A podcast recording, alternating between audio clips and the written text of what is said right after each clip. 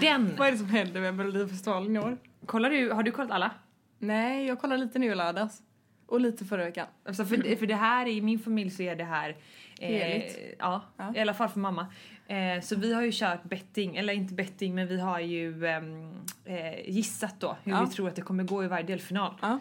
Eh, och eh, ja, vi har ju firat, eller firat, vi har varit, ehm, eller vi har setts eh, två av tre eh, liksom, Ah, uttagningar då. Trevligt. Och så har vi lagt eh, 20 spänn eh, och så har man röstat i Alltså, melloappen. Det känns som att det är så typiskt din familj. Vi kollar faktiskt också med familjen i lördags hemma hos mamma och pappa. Men det är ju väldigt trevligt. Mm. Det är väldigt mysigt. Något jag bara måste säga är att jag tycker att stylingen i övergripande i Melodifestivalen är så fruktansvärt dålig. Tänker du på någon specifik? Men jag kan inte säga, för det Nej. känns elakt. Men jo, det var, en, det var hon som sjöng så jävla bra. Vad heter hon? Eh, Klara kanske? Ja, Klara Hammarström. Ja, sjunger fantastiskt bra men den där, den där liksom ståldräkten hon hade på sig, den var liksom för stor, den satt liksom inte bra, förstår du vad jag Ja. menar? Alltså Ja. att jag, jag kan bli så här, åh, när det är en sån bra låt och en sån bra tjej, ta bara på henne typ en så här lång sidenklänning, utsläppt, lite busigt hår bara och typ ganska så naturligt. Gör det bara vet, så här fint till den låten. Och så bara förstör man det med en så här, här kommer jag och ska se ut som en sån här robot liksom. Men jag tycker också så här, det är otroligt svårt att gissa, eh, jag då som har då gissat vilka som ska gå vidare och så. Ah. Eh, Rena rama ding dong, den här låten. Gick den vidare? Ja! Du skämtar Den gick till eh, andra chansen förvisso. Ja, men så, ändå, rena rama ding dong. Rena rama ding dong. Men den är lite svängig. Men, eh, Ja. ja. Men, eh, ja, det var bara en liten sån eh, anekdot om... Det är ju i och för sig, eh, det här kommer ut på fredag så för er som inte har sett borde ju verkligen kolla på eh, nu på lördag då. Ja, precis.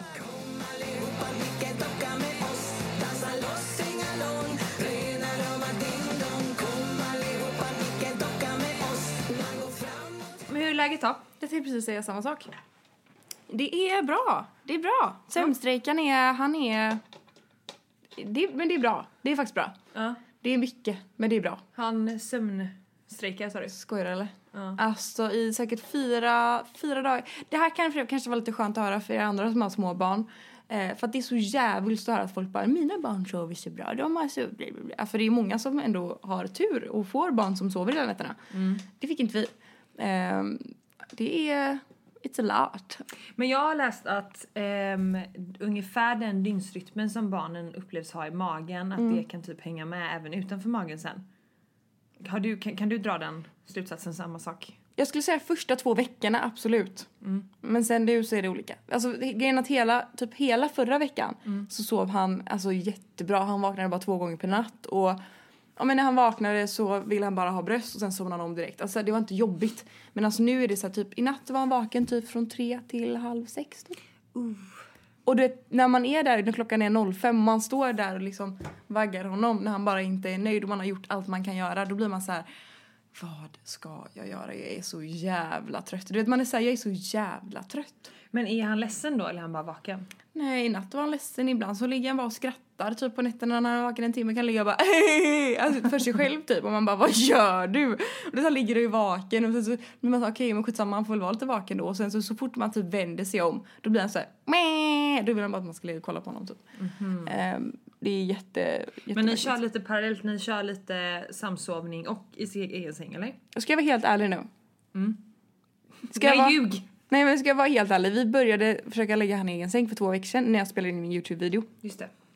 Och då funkar det lite grann men sen så bara så här, nej alltså det är ett sånt jävla mycket. Alltså att natta honom då, det tar kanske typ, ja men ungefär en och en halv timme innan han somnar och är nöjd i sängen och sover. Sen sover han i typ en och en halv timme i sängen, sen så vaknar han. Alltså och lägger vi han vid oss när man sover, då kanske han i alla fall sover tre timmar. Förstår du vad jag menar?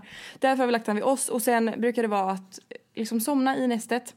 Sen efter halva natten så brukar han vilja ligga typ på mig. Och då får jag göra det. Och då brukar typ som i natt, jag var så trött, jag bara så här, försökt lägga nästet så många gånger. Jag kastade, alltså kastade bort nästet. Jag bara nej jag skiter i det här. Han får bara sova, han får sova Kasta bort. Sam, jag skiter i det här nu. Ja men jag, jag, var näst, nästan så var det väl. Nej. Nej. men för att jag tänker att jag, jag följer ett konto på Instagram som heter småbarnsåren tror jag. Mhm. Jag tror det är det kontot som har sagt här. Mm. Eh, och och eh, rätt mig om jag har fel, Mhm. men du uppmanas ju typ på BVC och sådär att barnet ska sova i egen säng helst. Exakt. Eh, och eh, då menar det här kontot på, hon som har det, att, eh, att barnets, ett spädbarns överlevnadsinstinkt, eh, det att är ligga ju på mig, typ. Mm. att, precis, det är den här närheten och att ligga nära. Så att eh, det kanske funkar för vissa bebisar såklart. Mm. Eh, men att eh, samsovning då, som man egentligen kanske inte rekommenderar, eh, jag tror inte man rekommenderar det. Nej, inte, inte första tre månaderna. Nej, Enligt, eh, vad heter det? Ja. Ja, vad det fan det nu är. Ja, men- Livsmedelsverket tänkte jag säga. Ja men Det är det precis. absolut inte. Jag, nej jag vet inte heller vad det heter. Det är de som rekommenderar att man inte ska samsova med bebis på grund av att man själv har lättare risk att typ rulla över barnet. Ja, eh, och den procenten då Mm. som eh, bedöms, liksom så sannolikheten att bebisen då dör, dör i plötslig spädbarnsdöd eller att bebisen inte överlever på grund av att man samsover, den är så pass pytteliten Mm. eh, så att det ska inte göra någon skillnad Nej. Mm. enligt det här kontot då. Eh, så att samsovning är alltså det mest naturliga för en bebis. Ja, alltså så här, jag, när jag pratade med mina föräldrar om det så var de så här, men, men så här, när jag sa att vi inte, när jag skulle först, när jag sa att vi skulle säga okej vi ska skaffa ett baby näst bla bla bla, det här var när jag var gravid. Mm. Hon bara, vad fan ska du med det till? Och jag bara, vadå vad ska jag med det till? Hon bara, ja vad fan ska du med det där till? Mm. Och jag bara, men det är ju för att vi ska, bebisen ska sova den på natten i våran säng. Hon bara, ja det låter ju bra såklart men jaha, jag bara, vadå hade inte ni det? Hon bara, nej ni sov ju bredvid oss liksom, det var så det var liksom. Mm. Och det var inget konstigt med det. Medan det första våran BVC-sköterska sa var att eh, försök få honom att sova i egen säng bredvid er. Typ. Men det är också Men här, det går inte så det är skitsamma. Ja men ja precis. Dels Men det. dock så ibland på dagen så kan han ligga och sova i sin säng och det är ju jätte, jätteskönt. Jag tänker om man börjar vänja han lite vid det så Och det finns ju såklart vissa bebisar som sover betydligt bättre i egen säng. mm, ja gud ja. Så att jag menar det är väl också från bebis till bebis. Mm. Men, men jag tror att även jag och Sebbe kommer samsova. Ja men det är faktiskt, och Ehm. om jag ska vara helt ärlig så är det också väldigt, väldigt mysigt. Ja och det är en tid i livet där bebisen är så pass liten som man inte får tillbaka. Då är det väl Nej. jättemysigt. Och jag sova på det att det går så fort Ida. Det gör det. Alltså det går så jävla fort. Ja, Men jag tycker att han... Han är två månader. Han- känns som ja. jag födde han igår. Ja men alltså han är ju en riktig bebis nu. Är stor, en ja, men klump. Innan så var han ju en pytteliten. Ja. Och då, då var det ju, eh, han var ju ja, men en, en nyfödd. Mm. Nu är han ju en, en bebis. Man kan ju se att han har vissa drag, att han påminner om, ja men båda, er båda såklart. Mm, men, väldigt mycket Kalle. väldigt mycket Sjukt Kalle. mycket Kalle. Ja. Nej det är faktiskt helt galet och det går, alltså som, som jag säger, alltså det går så jävla fort. Så alla ni som både har det framför er och precis fått, alltså så här, jag blev lite stressad första veckorna av att så här, man skulle hinna göra grejer, eh, typ hemma, tvätta, fixa sånt där. Men nu är jag bara så här, typ, om han är nöjd och ligger på mig istället för att försöka lägga han i sängen eller någonstans, då bara så här, nej jag bara så här, tar lite djupa andetag, lutar mig bak i soffan och bara njuter av att han ligger och sover på mig. Mm. För att ett utav oss kommer säga så och då kommer han inte vilja sova på mig längre. Och sen kommer det säga så igen och då kommer han inte ens vilja kramas med mig för att då kommer han säga nej inte mamma. Alltså det, det, det är ju så. Mm. Och jag, jag, det känns så hemskt att det ska bli så. Mm. Men förhoppningsvis så har du ju några år Ja, gud ja, det har jag ju. Men det är det är ju många som det är typ så här att vid, halv, vid ett halvår då vill de inte heller vara liksom sova på en. Mhm. Många blir att de vänder där liksom. Så eh, jag njuter av det. Kan Kalle se att, han, att de är lika? Ja, gud ja. Han tycker det själv också. Ja, gud ja. För jag tänker att det är inte alltid Men man tror själv han, ser han det. letar också mycket efter mina sidor typ. Ja. I honom. Alltså, Typ men han har dina ögon, han har ändå din smilegrupp och typ sådana grejer. Nej, har han... Eh, Han har smilegrupp. har han en Ja, och det har jag smile- också. Om det här eller... Ja, Där. på vänstersidan. Mm, en sån har jag han också. Ja, det har jag med. Mm. Ja, för det tycker jag är lite gulligt. Ja. Framförallt på bebisar. Och jag har fått den av min far, äh, mormor. Mhm. Ja, ja, men, så, men tycker du att han har... eh, Att det är dina ögon han har? Det vet jag inte. Det är så svårt att säga. Får Ja. de gröna ögon så får de mina ögon. Men nu är de ju fortfarande blå. När blir bebisars ögon ögonfärg? Tre månader tror jag. Sex år står det här. På 1147. Jaha, men, men det är ju... Nej, men det där ser man ju innan. Sex år? Ja, ja. Nåväl. Har du kollat på någon bra serie på senaste tiden? För det har jag gjort. Eh, vilken har du kollat på? Alltså jag är ju besatt av eh, Tunna blå linjen. Nej. Jo! Nej men nej. Jo! Man gråter när man kollar på den. Nej, den, det, den svenska... Har du gett den en, en chans nästa gång? Absolut. Ett avsnitt eller? Ja, nej, fler. Var fler? Jag, ja, mm. Alltså jag vet inte hur många avsnitt jag har sett. Det är SVT va? Ja. ja.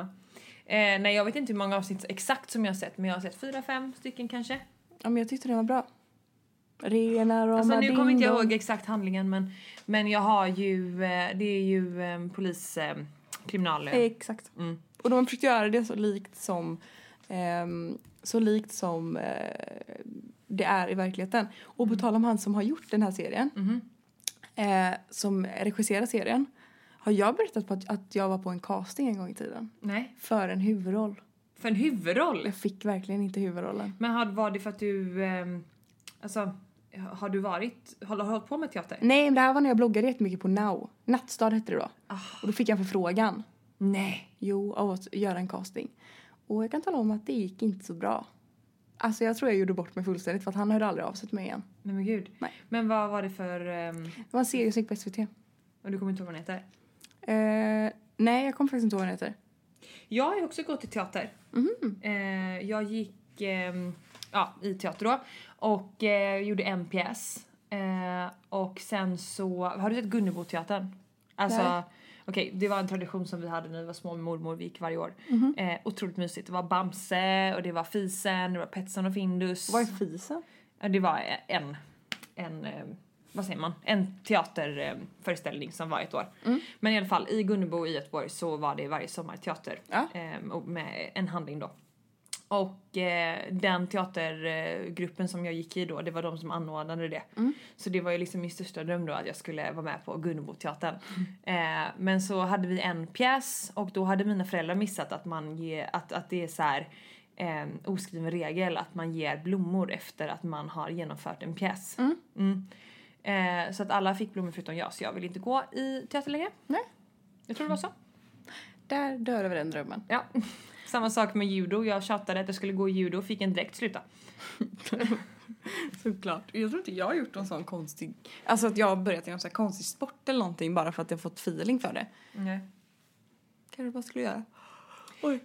Ja. Nej men jag mår bra. Eh, också. Och, Ja, jag frågar inte ens. Nej, jag vet. Nej men jag tänkte att du skulle fråga det. Du är så skulle- jävla gravid nu. Ja, jätte. Och det börjar bli så här um, jäkligt jobbigt att eh, andas. Mm, jag Alltså, förstår ta det. djupa andetag. För han är väldigt högt upp. Jag tror inte Det här är en stor bebis Ida. Nej, säg inte det. Jo, det här är en... Det här är en... Nej, för det är precis där du tar, hon tar mig på sidorna nu. För det är där jag blivit större. Nej, men det här är nog ändå en... Jag tror nog han kommer väga cirka 5,5. Min pappa vägde den när han kom ut. Nej, Jo. skojar du? Jo, fem, Skojar du? fem, fe- strax över fem kilo och jag fick och eh, farmor eh, krystade, jag tror hon hade alltså en två dagars förlossning och sen orkade hon inte krysta mer så att barnmorskorna fick hänga sig på hennes mage och trycka ut pappa. För att, för att hon inte orkade. Åh herregud. Men det händer ju inte idag. Nej, men det jobbiga är att jag var ju ett stort barn. Var du? Alltså i, i förhållande till när jag föddes, för jag föddes ju tre veckor tidigt. Ehm, och vägde 3,7. Tre veckor tidigt? Ja, och vägde 3,7. Hade du fötts tre veckor efter då? De växer ungefär 200 gram i veckan då. Då plussar vi på 200 gånger 3, det är 600. 3,7 plus 600, vad blir det? Eh, 4,3. Skulle du ha vägt? Ja, När min du kom lillebror vägde ju det. Tänk också om du hade gått över tiden typ. Åh Alltså om, herregud. ja, nej jag vet. Så att jag har ju Men din också, mamma gjorde väl kejsarsnitt va? ja det gjorde Ja. hon. Så att både jag och min bror, men jag föddes ju en vecka tidigare än beräknat kejsarsnitt så att de var Precis. tvungna att göra, det kallas ju akut då. Ja, Akut, men det var ju inte akut. Men, eh, men däremot så har ju Sebbe och hans syskon varit ex- väldigt små. Ja. Så att jag hoppas ju lite att jag har... Åh herregud. Ja, det blir spännande. Mm, se. För, det, för det, det som också är lite eh, oroväckande är att mamma var, mådde ju precis som du, hon mådde väldigt dåligt. Mhm. Så att hon gick ju inte upp mer än typ 8-9 kilo tror jag. Vilket bety- och plus att det blir så här, mår man så dåligt så får man ju inte i sig så mycket. Nej. Ehm, och jag har ju mått väldigt bra. Mm. Eh, så att, ehm, Ja, jag bara, jag bara bävar mig för att, att han ska vara fyra. Men eh, när jag gjorde det, det gjorde ju tillväxtultraljud. Ja. För att min barnmorska tyckte att jag hade en liten mage. Ja. Tji fick hon kan jag säga när jag, kommer in nästa vecka. Skojar du eller? Men, Men det har eh, gått fort för dig nu sista i slutet? mm, vi har det. Men allting känns bra så inför förlossning fortfarande och det känns, Mm. du känner dig taggad och... Ja, alltså jag har ju eh, två besök kvar. Mm. Och då ska vi ju, alltså jag tror inte att jag kommer skriva ett förlossningsbrev, jag är inte riktigt säker på om jag ska Nej. Mm. göra det eller om jag bara ska skriva in eh, vissa grejer i journalen. Men någonting som jag eh, intresserat mig väldigt mycket för är just det här med sen avnavling. Har du Mhm. läst om det? Ja, ganska mycket men jag... eh, Alltså, dels så sa jag ingenting innan Nej. för att jag trodde att det var på rutin nu på Östra. Att det var en rutin att man gjorde så sen avlagring Och som möjligt. Eh, nej, det hände typ ganska direkt tror jag. Mhm. Men sen så var jag ju helt, jag var ju helt borta lite så direkt efter. Ja, gud. Så jag tänkte inte ens på det om jag ska vara helt ärlig. Nej, och det verkar uppenbarligen ha gått, gått fint. Ja, ändå. alltså ja. Men, Men, vid nästa barn tror jag absolut jag hade velat önska det men eh, ja, nej, men jag ska se till att få det inskrivet i journalen i alla fall hade jag tänkt. Ska jag säga en sak också? Mm. Det var typ lite skönt också att han inte satt fast till någonting. Ja. Förstår du vad jag menar? Ja, det För jag jag hade ju redan alltså, flera slangar, epidural, jag fick dropp. Det är redan så jävla mycket grejer överallt. Mm. Jag tänker att det är typ... Vad fan? Ja, så moderkakan ser ju lite läskig ut. Ja. Ja. ja. Jo. Kalle, Kalle brukar dra parallellen till att den ser ut som en entrecote. Fy fan. ja, nej men så det tänkte jag. Men sen så eh, kom du ihåg, för vi gick ju på en kurs där eh, i mitten på din graviditet. Med blåbäret. Eh, exakt. Ja. Ja. Ehm, För er som inte har lyssnat på det avsnittet så var det faktiskt väldigt roligt. Undrar vad det kan heta. ja, jag vet inte. Men i alla fall, och då pratade hon om det här med navelprov. Navel, ehm, navelsträngsprov. Ja, ah, exakt. Eh, och det antar jag att de tog på eh, sam- Ingen aning men antagligen så gjorde de det. Mm. Och det ska jag också eh, skriva in att jag inte vill. Eh, för att eh, anledningen till att man vill ha sen avnavling är ju för att eh, du vill att den Allt här blod. sista decilitern blodet som finns kvar i moderkakan ska gå över till bebisen. Mm. Och det finns forskning som visar på att det kan bidra till att barnet inte får anemi lika lätt, alltså Mm. järnbrist och eh, det motsvarar att en människa skulle få en liter extra blod. Mm. Så, att, eh, så det finns fördelar med det. Mm. Och skulle man då ta ett navelsträngsprov som man idag tar på rutin som egentligen inte tillför någonting mer än att mer för så här eh, statistik och forskning eh, så kan man, eh, då måste du ju sticka hål på navelsträngen. Mhm. Och gör du det då innan blodet har gått över så finns det, eh, så kan det störa transfusionen till bebisen. Mm. Så de två grejerna har jag läst på. Så Och det, det känner du att det, det är viktigt för dig? Mm, ja, jag tror det. Ja, men, jag tror faktiskt inte helt ärligt att du kommer tycka att det är viktigt. Du Nej, vill men ha jag, ditt tänker, jag barn. tänker att om det står i journalen så, så gör vi det om det är möjligt. Exakt. ja. jag. ja men det är väl jättebra. Ja. Ja. Utöver det har du något som du vill skriva exakt. Du vill väl bada och lite så? Ja, men skriver man, ja, ja, bada vill jag. Det kan man skriva. Och gärna tror jag nedsläckt kanske. Ja men det är det typ. Ja. Ja. Ehm, jag vet inte, det var typ det jag skrev upp. Alltså jag tänker att det mesta handlar ju om eh, alltså ett brev till Sebbe, vi pratade om det. Exakt, alltså, du ja. skrev ju lite mer riktat mot Sebbe och jag tror att jag kommer Mot göra samma Sebbe. sak. Eller mot Kalle. Mot Kalle ja. Ehm, nej men jag skrev... ehm, Också att han, det, är bra för att, det är bra att han har koll på vad du vill och Mm. vet vad du vill när du själv kanske inte riktigt är ditt fulla sinnesbruk liksom. Ja. Mm. Eh, och sen så har jag skrivit upp TENS. Att det- skulle kunna vara ett, ett, ett smärt, en smärtlindring jag skulle vilja prova. Mm. Eh, men jag vet inte, du skrattar när jag säger det. Men, Ja, men vet, ja. men det är väl att man sätter såna här eh, elektroder i ryggen. ja. Jag har gjort det när jag hade problem med min, eh, min ländrygg för några år sedan så gjorde jag TENS. Eh, och jag, jag sk- skulle vara helt ärlig, under verka, för vissa funkar det jättebra med TENS så jag har ingen aning men för mig, jag kände bara, nej men jag kände bara att aldrig i livet för de vill ha TENS och jag bara nej.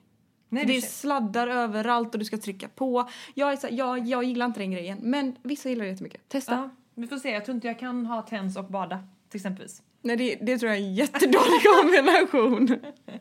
nej fy fan. Det tror jag är en riktigt dålig kombo. Men Ja, man har ingen aning. Men något säger mig att det är lite dumt kanske. Ja. Men, eh, ja, men så där är vi nu då. Men ska jag vara helt ärlig, det som hjälpte mest under hela förlossningen, Mm. det var andetaget. Och det låter så himla Nej men jag köper det. Jag, Men gå in i dig själv, andas genom verken, tänk positiva tankar.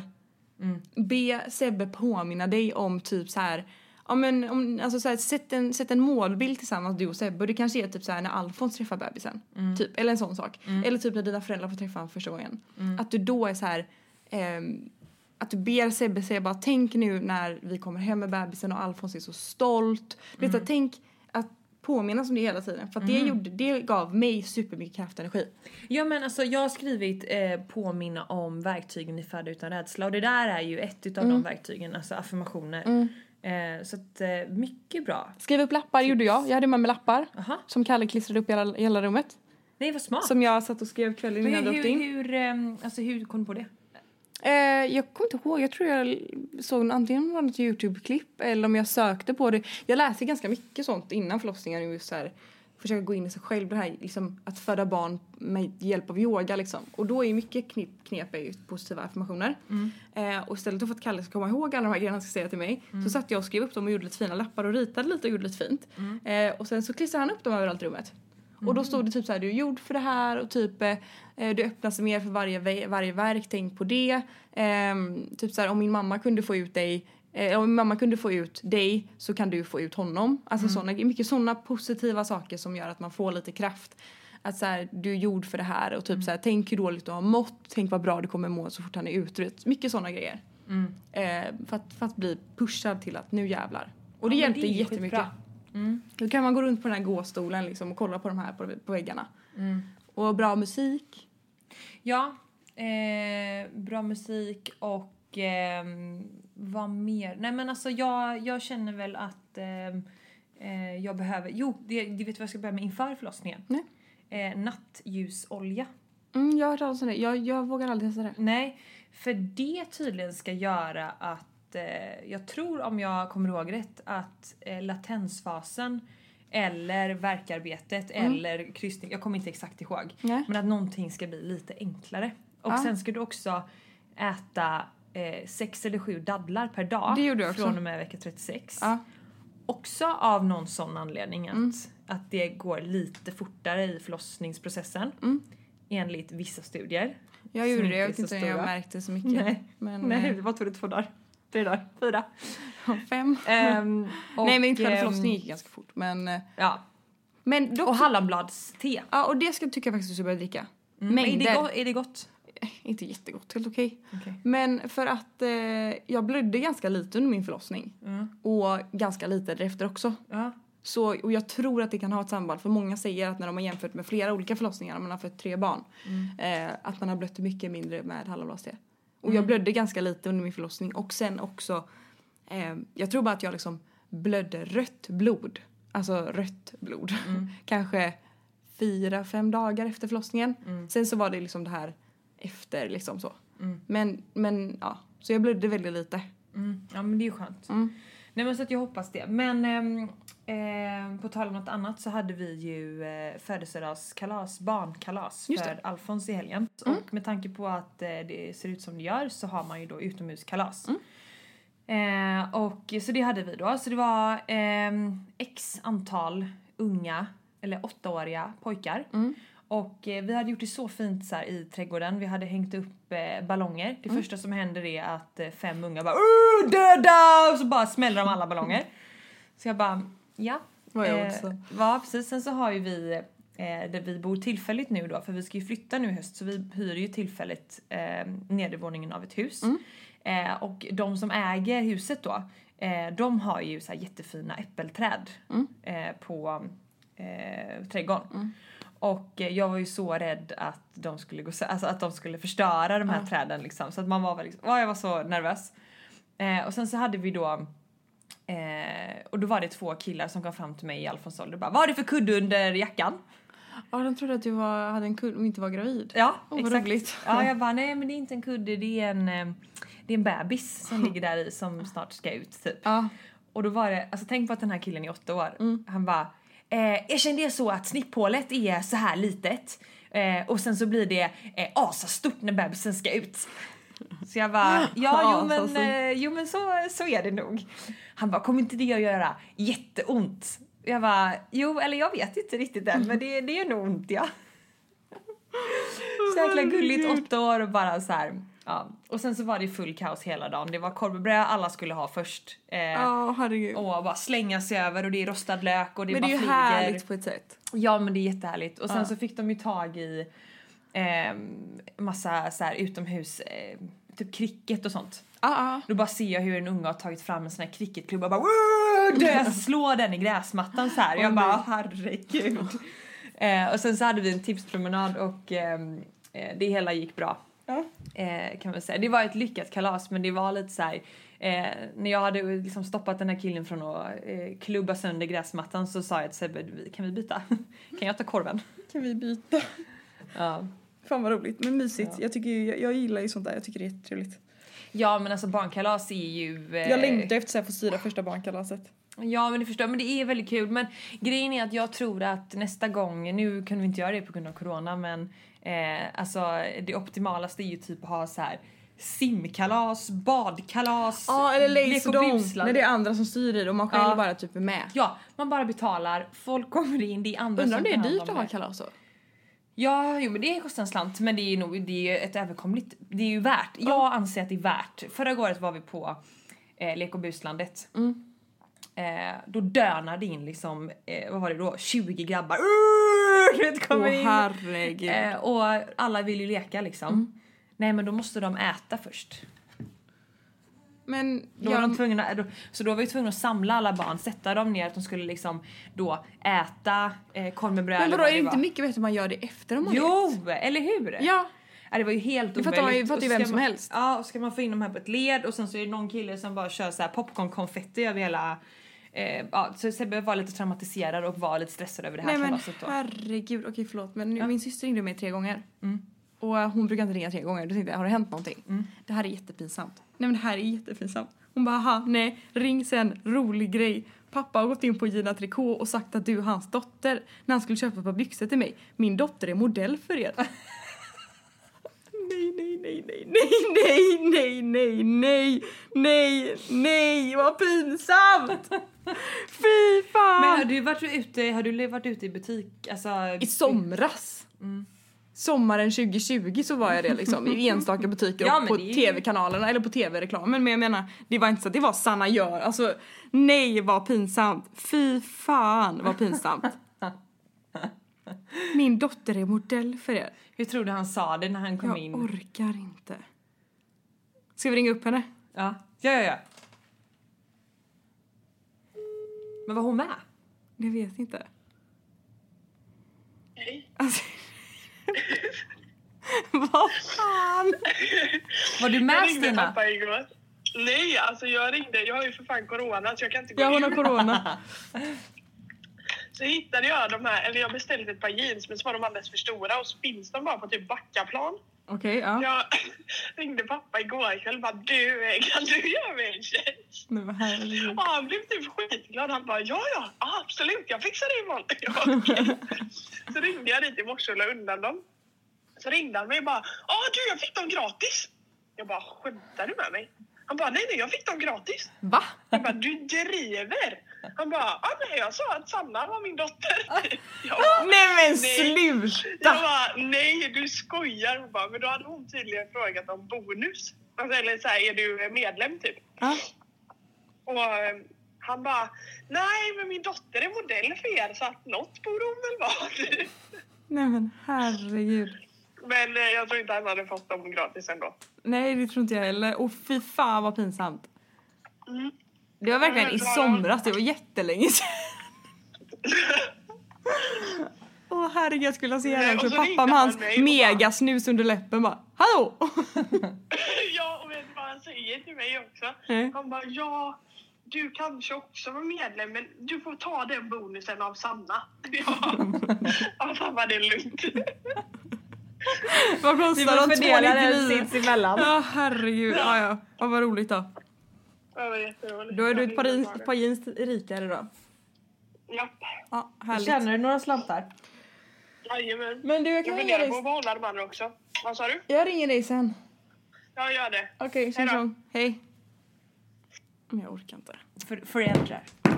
Föräldrar ja. Ja fortsätt. Förlåt. Jag störde dig mitt i ditt kalas. Ehm, Nej, men det får mig att tänka på att eh, när jag och du spelade in en Youtube-film eh, för eh, i julas. I julas? Eh, för att eh, uppmärksamma julstaden i Göteborg. Just det, just det. Eh, eh, men då satte mamma på den på tvn när vi hade släktkalas. Det berättar du. Just det. Eh, du och jag var, rullade där. Nej.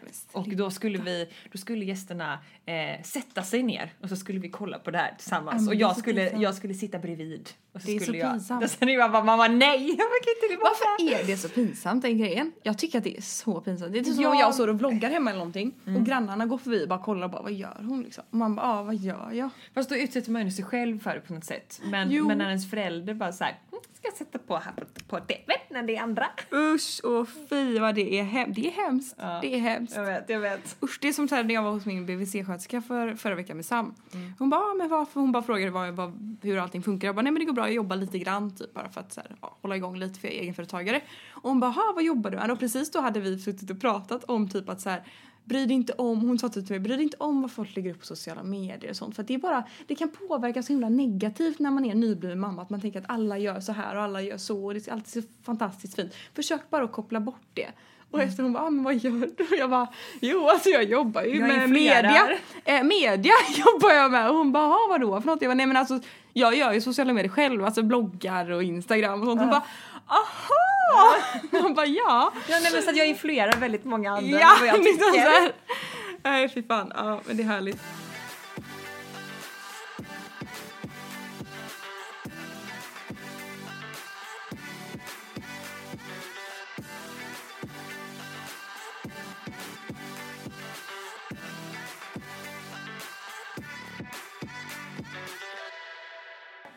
Hej Ida och Sanna. Jag har en fråga som kanske mest är riktad till Ida. Jag lever i en bonusfamilj sedan två år tillbaka. Det är jag, min sambo och hans son som fyller nio till våren. Det är typ exakt som, eh, som jag och Sebbe. Exakt som ni. Eh, vi vill skaffa barn inom en snar framtid och jag längtar supermycket. Däremot har jag svårt att tackla den där känslan av att mitt första barn aldrig kommer vara min sambos första. Jag vet att det blir ju vårt första och att det kommer vara speciellt i sig men det är en känsla som jag inte kan komma ifrån som faktiskt kan göra mig ledsen. Hur tacklar du det Ida? Eller är det något som du inte tänker på alls? Jag har pratat med min sambo om detta och han förstår mig verkligen och ska försöka ge mig den första bebistiden. Hoppas ni förstår vad jag menar och hoppas att jag inte gav dig några hjärnspöken nu. Kram och tack för en superfin podd. Och då Jätteintressant fråga. tycker jag, jag tycker också att det är en intressant fråga och jag tror att det är, hon absolut inte är ensam av att känna så. Eh, jag har inte känt så. Jag Nej. ser det inte på det sättet alls. Nej. Utan eh, för mig, jag, jag tror att, eh, att hon känner så, hon- man kan ju inte kontrollera och styra över sina känslor men någonstans tror jag att så här, har du valt att leva i en relation där det finns ett barn sen innan så är det ju faktiskt någonting som man bara får acceptera. Exakt, du har ju valt det. Eh, ja, och eh, mitt tips är ju så som jag ser på det att jag tycker det är positivt att Sebbe har gjort, gått igenom en förlossning innan. Jag tycker det är skönt att han redan vet vissa grejer. Vi vet vad vi står i eh, olika saker inom uppfostran. Alltså vi För han olika- kommer det inte bli en chock att bli pappa nu. Nej, verkligen inte. Och jag skulle och allting, liksom. Ja, och sen så tror jag det är väldigt dumt att jämföra ett barn med ett annat för det är så himla olika. Eh, så att eh, jag tror att, eh, och det är väl en förutsättning då eh, om man tycker att det här är lite jobbigt att man har någon, att, att ens partner förstår en och det verkar ju hennes pojkvän faktiskt göra. Ehm, men jag tror att, eh, att det här ligger nog någon, det här är någonting som du får jobba på faktiskt. Eh, för att situationen ser ju ut som den gör och du har ju valt att leva med honom och han kommer alltid ha haft ett barn innan ert gemensamma barn. Sen klart det, det, det är ju helt... Man får ju alltid känna som man vill. Man får alltid känna som man känner och, och få landa i en känsla av att man kanske tycker att det är jobbigt och kanske att man på något sätt tycker att det är en sorg att man inte är den första. Det förstår man ju att det är jobbigt och det får man förstå. Men hon har fortfarande valt och då är det mer, då får man, man får landa lite i att det är som det är och försöka se de positiva sidorna i det. Mm, ja men verkligen och jag tror att ehm, precis som du är inne på att, att man kan fortfarande känna en viss känsla kring det. Och det är okej. Eh, och det är okej. Och det är väl jättefantastiskt att du har möjligheten att då eh, bolla den och ventilera den känslan. Men jag tror att mycket av, majorit, mycket av jobbet ligger i, i dig själv. Och, och känner du att det tar över så skulle du kunna eh, prata med någon om det. Ehm, så som, ja, nej för mig är, är det, jag ser bara det som positivt. Jag har inte alls tänkt på att det är, jag, jag har inte tyckt att det här med att, att det inte är hans första barn, att det har varit en jobbig grej. Jag har nog mer varit orolig för att, eh, att jag ska vara för upptagen med bebis, att jag inte ser Alfons. Den Exakt, kan jag ja. mer vara orolig för. Eh, lyssnarfråga. Hej tjejer! Eh, jag är 21 år och min sambo 23. Vi har varit tillsammans i fyra år eh, och har köpt en bostadsrätt tillsammans. Vi båda har ett... Vi båda har ett stabilt jobb och inkomst. Vi har rest och festat av oss. Vi vill skaffa barn men jag stoppas av min rädsla för vad andra ska tycka i och med att vi är unga. Även rädd för att man ska ångra sig och allt det där. Ehm, inte barnet men tajmingen. Sen känner jag ingen annan som har barn i min ålder och är rädd för att känna mig ensam. Hur reagerade folk i er närhet och vad har ni för tips? Är det bara att tuta och köra hjälp? Nej men alltså spontant. 21 är, jag var ju också, jag var ju 21 när jag blev gravid. Spontant så tycker jag att har man ett stabilt jobb, man trivs med varandra och, och, man, och man som par tycker att Mm. det känns rätt då, då tycker inte jag att man ska ta hänsyn till vad andra ska tycka. Alltså det är Nej. väl liksom det Men sen förstår jag att man bryr sig om det för det gjorde väl typ jag också. Ja, och det tänkte jag komma till för att jag tror liksom att, eh, att vara en ung förälder, att jag minns att första gången jag var hos min barnmorska så var det som att hon bara så här. Ja, har du några kompisar eller några i din närhet som du kan öva på? Det- Jag tror inte man hade ställt den frågan till någon som är äldre. Absolut inte, nej. Eh, och jag kan känna att... Vilket ålder man kan- ställa som fråga. Ja, jag vet. Det var lite oskönt faktiskt. Öva på. Ja, men som om jag inte hade någon erfarenhet då. Att de tog det för givet. Att jag har ju jättemånga i min närhet som har Ja, oavsett om man barn. inte har det så är det så här, det var faktiskt en som skrev till mig, eh, jag tror jag pratade om det här i antingen något poddavsnitt eller om det är säkert något poddavsnitt. Men det var det en som skrev till mig att eh, jag är 33, jag väntar mitt första barn och jag känner precis som du gjorde innan med att så här, gud kommer jag ens kunna ta hand om ett barn? Eh, är jag redo för det här? Allt sådana där frågor. Det spelar ingen roll när du får ditt första barn, du kommer fortfarande vara lika nollställd. Eh, tror jag. Ja, Faktiskt. Ehm, ja, precis. Och eh, nej men så att jag eh, tror att utmaningen som ung förälder är väl att man kanske eh, har, att det finns fördomar emot den. Eh, som man kanske inte riktigt kan rå för och att det kan vara lite jobbigt. Men ehm, eh, och hur folk i vår närhet reagerade. Hur, jag vet inte, hur reagerade de i din närhet? Eh, alla blev bara väldigt, väldigt glada. Ja. Ehm, faktiskt. Det var ingen som knorrade på näsan överhuvudtaget. Och, men det jag kan känna nu, typ, lite nu, eh, som är med tanke på att jag är så ung, det kan vara typ att så här, Ibland kan man slås av tanken att bara, gud jag är så ung, undrar vad folk tycker egentligen om att jag är mamma. Men då brukar jag säga, men Sanna, du har gjort det största i livet när du är så ung och klarar det galant. Allting går jättebra, ni har det jättebra, Sam och jättebra, du har fucking fött barn. Jämfört med folk som bara kastar iväg sina liv, festar, eh, sover hela dagarna. Och så, jag, jag menar inte att det är något fel med att göra det när man är 22, det kan man absolut göra men så här, gud vad långt du har kommit. Alltså tänk bara så här, tänk på det istället för folk som är ute och typ tar droger och festar och inte har någon koll på vad man ska göra imorgon liksom. Nej, men jag tror också att man, man eh, blir ju olika vuxen och olika mogen olika snabbt. Exakt. Och eh, eh, jag tänker bara tillbaka på mig själv att det kanske inte är alla som eh, hade, som när jag var 18 då, det kanske inte är alla 18-åringar som hade eh, liksom kunnat leva i en relation med en kille som är 10 år äldre Nej. och en, ett barn varannan vecka. Men obviously så var ju jag där eh, i, eh, i min mogen, alltså jag, jag var så pass mogen att jag kunde leva i en sån relation. Så det är också väldigt individuellt och där får man bara avgöra vad man själv tror. Och um, jag tror att den största så här, reaktionen, eller som jag har varit orolig för, det är ju mer liksom kanske inom, ja men som jag pratar om, alltså inom vården, barnmorska, BVC, eh, kanske där som jag har varit lite så här, vad ska folk tycka? Jag har typ bara Men- blivit positivt bemött faktiskt när det kommer till min ålder. Ja Att folk är såhär, gud vad härligt att ni är så unga. Mm. Att folk har tyckt att det var jättepositivt. Ja, Speciellt på typ så här förlossningen och så att de var så här, fan vad, vad, vad rätt av er liksom. Vad fina ni är typ. Ehm, Ja, nej men och jag har liksom inte varit med om något mer än, än den kommentaren då. Så att, eh, så att ja, jag kör på. Jo, jag tänkte, vi tog upp förra veckan den här med eh, rädslor. Och då var det ju en tjej som hade 50 till 80% risk att utveckla cancer. Jag tänkte bara skulle avsluta här med att läsa bara fortsättningen på hennes historia. Ehm, hon bär då som sagt på en cancergen som gör att hon har 50-80% risk att utveckla cancer och är 29 år. Hon kontrolleras tätt. Ehm, Gyn, eh, då kontrolleras blodprov, cancermarkörer och ultraljud för att se att allt ser bra ut. Kommer där kontrolleras var sjätte månad. Mammografi av brösten, ultraljud och magnetröntgen av brösten. Kommer få operera bort äggstockar och äggledare, ta bort bägge brösten och all vävnad och muskler, körtlar i prof profyla- profylaktiskt syfte. Alltså för att inte bli sjuk. Eh, har så många tankar angående detta. Kommer ta bort allt kvinnligt och gå igenom alla dessa operationer. Men gör jag inte detta så handlar det inte om att jag får cancer utan när. Hade grov dödsångest som kommit med nu när lillebror kom till världen. Vill inte dö från mina barn. Jobbar själv inom- vården och framförallt med svårt cancersjuka människor. Har bevittnat att mammor dör från sina barn. Hoppas mitt öde blir annat än så. Tack för en bra podd. Shit. Och det här är en sån... Eh, alltså det måste vara en sån tung... Eh, en tung sak leva att med den här vetskapen. Ja. Men det som gjorde mig glad dock är att, eh, för hon pratar om att hon behöver, kommer behöva ta bort både bröst och äggstockar och sådär. Äggledare. Så att det låter, hon har ju barn. Och, och det är ju skönt.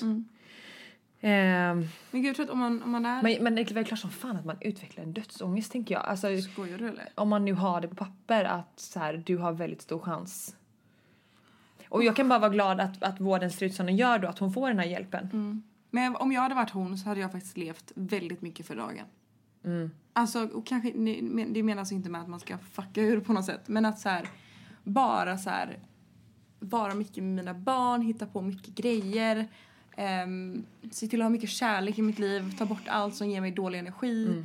Ehm, Jag undrar om man, om man ser på livet på ett annat sätt när man har eh, det, här, det här i sin ryggsäck. Jag tror man blir väldigt irriterad på folk som grämer sig och gör små problem till stora problem. Förstår du vad jag menar? Det kan man själv bli lite, du vet. Alltså man har ju mycket så här. Ifall att någon kompis har ett problem så man säger men det här är inget problem lille vän. Förstår du? Men alltså när det kan komma till att en kille inte har svarat på två timmar. Man bara men det här är inget problem. Det finns stora problem i världen liksom. Du vet, Men en sån sak om tror jag man- man blir så här idiot alltså. Men är man, är man, är man alltså, bättre på att eh, vara tacksam och lycklig för eh, de mest självklara sakerna när man har eh, ja, men till exempel att man bär på en cancergen som hon gör. Eh, blir man bättre på det? Mm. Det. Eh, och eh, mår man eh, på ett sätt bättre av det? Alltså Ja. det låter kanske konstigt för att obviously så mår hon ju väldigt dåligt över att Exakt, det är ja. så här men jag menar mer att det här- Jag förstår vad du menar. Ja. För jag tänker att vi pratade lite om det förra veckan också att jag skulle verkligen vilja bli bättre på att vara tacksam. För att det, det är så himla lätt att man tänker så här, ja men om jag bara har den lönen så kommer jag vara lycklig. Eller om jag bara bor så så kommer jag vara lycklig. Eller om jag bara ehm, om jag bara mm, får köpt den, det klädesplagget så kommer jag se, känna att jag är bekväm. Eller, Och det är ju inte riktigt så utan man lurar ju sig själv. Och lycka kommer ju inte från materiella saker utan det kommer ju inifrån. Jag brukar faktiskt eh, några gånger i veckan för mig själv antingen skriva upp eller bara liksom rabbla upp för mig själv saker som jag, som jag är tacksam över. Bara för att påminna mig själv om typ så här. Det kan vara enkla också som så här, jag är så tacksam över att jag äntligen mår bra och inte mår som jag mådde när jag var gravid. Jag är jättetacksam över det. jag är gud, jättetacksam över att Sam är frisk och hälsosam och är en glad bebis. Även om man inte sover på nätterna. Du vet ibland att man blir tokig liksom. Jag är tacksam över, eh, men över att så här, jag och Kalle vi har en väldigt fin relation trots att det är, det är en omställning att få barn. Liksom. Det är verkligen en omställning för relationen. Eh, men att vi ändå har det bra och är lyckliga är, det är, så här, ja, det är en sak att vara tacksam över. Mm. Att mina föräldrar mår bra är en sak att vara tacksam över. Eh, alltså, du vet, det, det finns väldigt mycket om man bara... Och så här, har man allt det på plats så är det ju, behöver man inte ha så mycket annat. Nej. Nej men verkligen. Innan vi avslutar bara eh, så skulle jag bara kort vilja nämna, jag vet inte om du känner till det här men Måns Möller, eh, vet du om det är? Han har ju åkt, har, han har slått världsrekord. Va? Har du hört om det här? Jag vet att han cyklar va? Ja, precis. Han, han har ju en, eh, vad man kallar det, en, en organisation, eller det heter Viggo Foundation i alla fall. Ja. Eh, och det är ju en em, organisation som bidrar till att barn med, jag tror det, för hans son är väl autistisk tror jag. autistisk ja. Eh, och då är det liksom en organisation som ska bidra till att dra in pengar för att barn med de här diagnoserna ska få idrotta. Just det, jo men det här tror jag jag har hört om. Ehm, och eh, ja, men en insamlingsstiftelse för kids med NPF och NPF är väl då eh, autism och kanske säkerligen andra eh, diagnoser. Och eh, eh, han har ju varje år gjort någonting då för att samla in pengar men i år så gjorde han, hade han, så skulle han slå världsrekord. Så han och en till åkte 10 Vasalopp på 10 dagar. Alltså för ett Vasalopp är. 9 mil. Det är alltså 90 mil de har åkt. Mm. Jag tror att ett Vasalopp är 9 mil i alla fall. Och jag tror bara, och nu har de precis kommit i mål, de klarade det. Eh, och drog in strax över 1,7 miljoner. Åh herregud. Eh, och jag blev bara så otroligt rörd av att eh, följa och läsa det här för Ja. att någonstans så, tänk vad mycket, vad mycket det, vad många barn som med diagnos som kan idrotta nu eh, efter det här. Det är helt fantastiskt. Och bara liksom själva grejen att man har åkt 10 Vasalopp. Alltså jag kan inte ens tänka mig att åka ett Vasalopp. Nej men jag, ex, exakt på längd, alltså har du åkt längd någon gång? Det är fruktansvärt jobbigt. Det är Det fruktansvärt. är jättejobbigt. Ehm, ja, nej men så att jag ville bara lyfta det och eh, eh, bara försöka eh, uppmana. Jag vet inte om man fortfarande kan eh, bidra med en slant. Eh, det, kan kanske man alltid kan göra. ja. Men eh, jag skulle verkligen uppmana folk, eh, ni som lyssnar, att eh, om ni har möjlighet swisha en slant till Vigo Foundation för att jag tyckte att det här var ett så otroligt fint initiativ. Gör det. Gör det. Tack och hej leverpastej! Tack och bock. Rena rama ding dong.